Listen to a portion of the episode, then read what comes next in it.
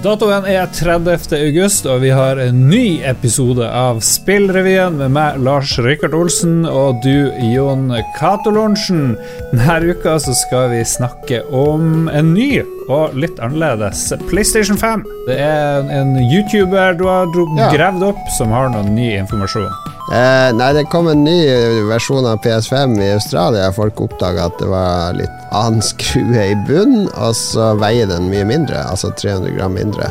Det veier jo et tonn fra før, så det var vel eh, eh, Kanskje akkurat merkbart. Så er det en YouTuber som heter Austin Evans, som eh, har skrudd den fra hverandre da, for å se på forskjellene.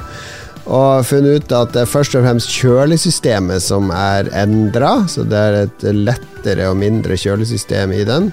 Og en vifte blant annet endra inni der. Denne Evans påstår da at det nye kjølesystemet er litt billigere og mindre effektivt, sånn at potensielt kan maskinen ventilere ha dårligere ventileringseffekt Ja. enn den opprinnelige PlayStation. da Og nå er vi jo der hvor Sony bruker å være, i hvert fall med PlayStation 4. Det var jo sånn støvsuger. Nå tar 747 av på rullebanen. Hold på hatten, støvsug din PlayStation. For det, PlayStation 5 har jo vært veldig stille, i hvert fall hos meg. Jeg har ikke hørt en skit. Ja, den er jo helt stille, så det vil jo være kjedelig hvis denne begynner å lage lyd, eller vifta skal gå i overdrive hele tida fordi den ikke klarer å ventilere ut. Men det er jo ingenting som tyder på at dette stemmer, da, men det skal jo ikke så mye til for å skape drama blant uh, konsollfans, og nå er det panikk blant enkelte for å få tak i den originale modellen, fordi de er redd for den nye, men det her er jo helt normalt. Altså alle, All forbrukerelektronikk oppgraderes jo jevnlig og revideres, og komponentene blir jo som regel både billigere og bedre, og færre. Ja. Altså Den første PlayStation 1-modellen hadde jo mye mer komponenter på kretskortet enn de som kom mot slutten av PlayStation 1-syklusen, f.eks. Ja. Nei, men Det er artig med at eh, de stealth-slipper en ny versjon. Og Noen gamere har kanskje en viss grunn til å være litt nervøs. Eh, vi må huske Red Ring of Death til eh, Xbox 360. Den gjør jo at Microsoft måtte betale 1 milliard eller noe sånt på å erstatte konsoller.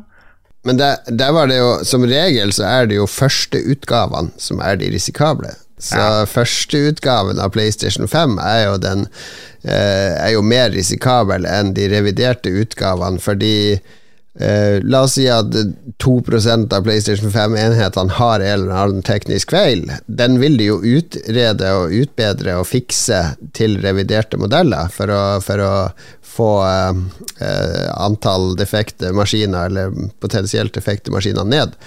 Så som regel så lønner det seg jo å vente på reviderte utgaver av konsoller i stedet for å kjøpe den aller første. All right, vi kan gå videre til neste nyhet. I forrige uke så gjorde Netflix alvor av planene om å tilby spill i sine apper, og først ut så er det noen mobilspill i Netflix-appen på Android-telefoner, men kun i Polen, skriver gamer.no, der vi fant denne nyheten. For øyeblikket så er det to spill du kan prøve, Stranger Things 1984 og Stranger Things 3. Og her vet jeg at du allerede har lagd deg en polsk Android-akonto, Jon Cato. Veldig klar for å spille dette, eller? Jeg har en konto til hvert land. Ja. Eh, Det, det er enklest, for da slipper du Da er min FOMO eh, roa ned. Ja, jo. Mange som har kontoer i New Zealand, vet jeg, for der får du komme spillene først, eller noe sånt. Ja, Ja. det er veldig vanlig å softlaunche mobilspill eller mobilting i et land, altså, for da kan du ganske raskt uh, hurtigteste ting og få feedback på ting og tilpasse ting, og måle hvordan uh, spillet eller produktet fungerer. ja. Så ja, eh, men de har vel valgt Virker som de har valgt Polen for, som testmarked da, og så vil de Har sikkert noen målinger før de, før de skal eskalere det til resten av verden.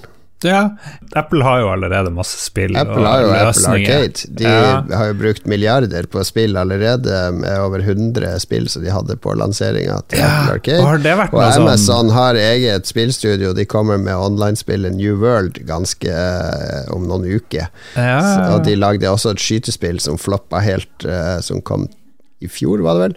Så begge de er jo inne. Amazon har også Luna, som skal være deres streamekonkurrent til Stadia når det gjelder spill, uten at den er helt uh, lanseringsklar ennå.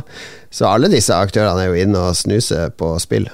Den her Apple-satsinga, var det noe suksess? Skal vi oppsummere Apple Arcade? Er du ofte inne der? Jeg er jo inhabil, for jeg har jo et spill på Apple Arcade. og så vidt jeg vet, ja. så er det inntekter fra det spillet fortsatt fra. Apple. Så, så det, det Jeg kan varsle om at jeg ikke er der noen gang. Jeg er kanskje ja, det er veldig, veldig, dårlig statistikk. Ja, jeg vet det, men jeg, jeg, liksom, jeg hører ikke folk si ja, ja, nå er det et nytt spennende spill på Apple Arcade. Det, folk sier å, nå kommer det noe bra til GamePass osv. Men eh, ja, ja, i min krets så hører jeg i hvert fall nada. Ja, jeg, jeg har ikke noe empiri på, eller noe tall på hvor godt Apple Arcade fungerer, og det er jo et dårlig tegn i seg sjøl, for hvis noe er en supersuksess som Fortnite og andre ting, så er man veldig glad i å si hvor mange og hvor mye og, og alt mulig sånn for å slå seg på brystet. Så når man ikke gjør det, så er det kanskje av og til et tegn på at det ikke går så bra. Men, uh, men det, virker, det, kommer jo nye ting til Apple Arcade fortsatt, så mange, ja. når det kom, og et halvt år etter, tenkte folk ja, det var det, nå gir de opp. Det må jo være en eller annen verdi der for Apple å holde liv i det. Kina har vi nevnt for ikke så lenge siden. Vi kan en liten update. De vil ikke at barn skal spille mye. Eh, de innførte fjesskanning av folk for å finne ut er du gammel, er du ung, hvem er du. Nå så skal de gjøre sånn at online-spill skal kun for barn skje fredag, lørdag og søndag, og tre timer i uka. Det er good times å være gamer og barn i Kina, Jon Cato.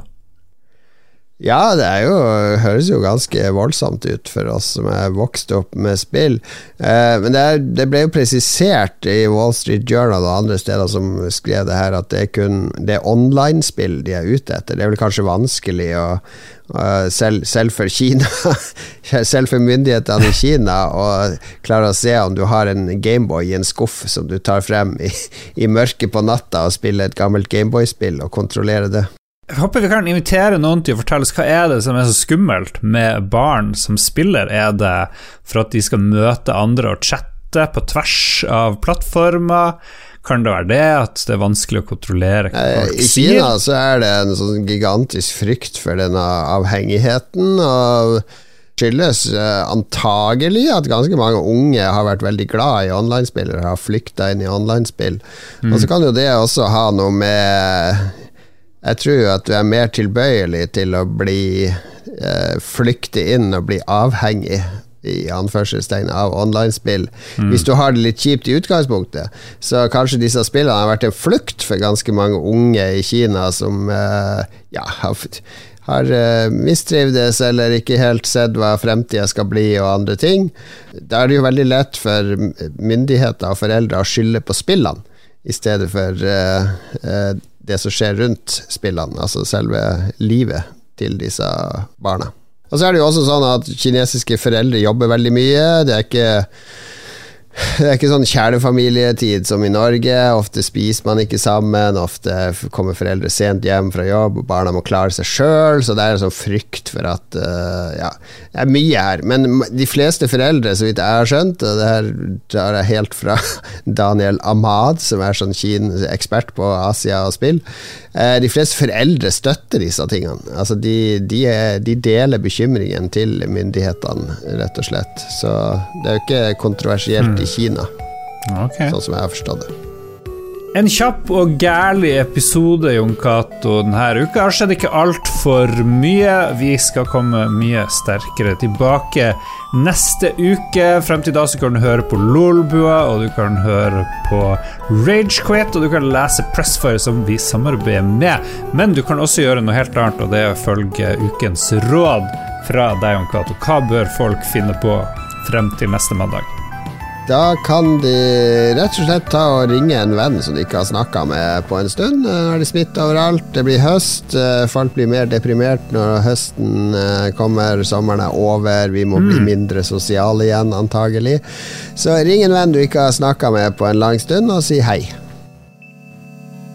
Til slutt en stor takk til Martin Herfjord, som står bak den nye intro- og outro-musikken vår. Ha det bra!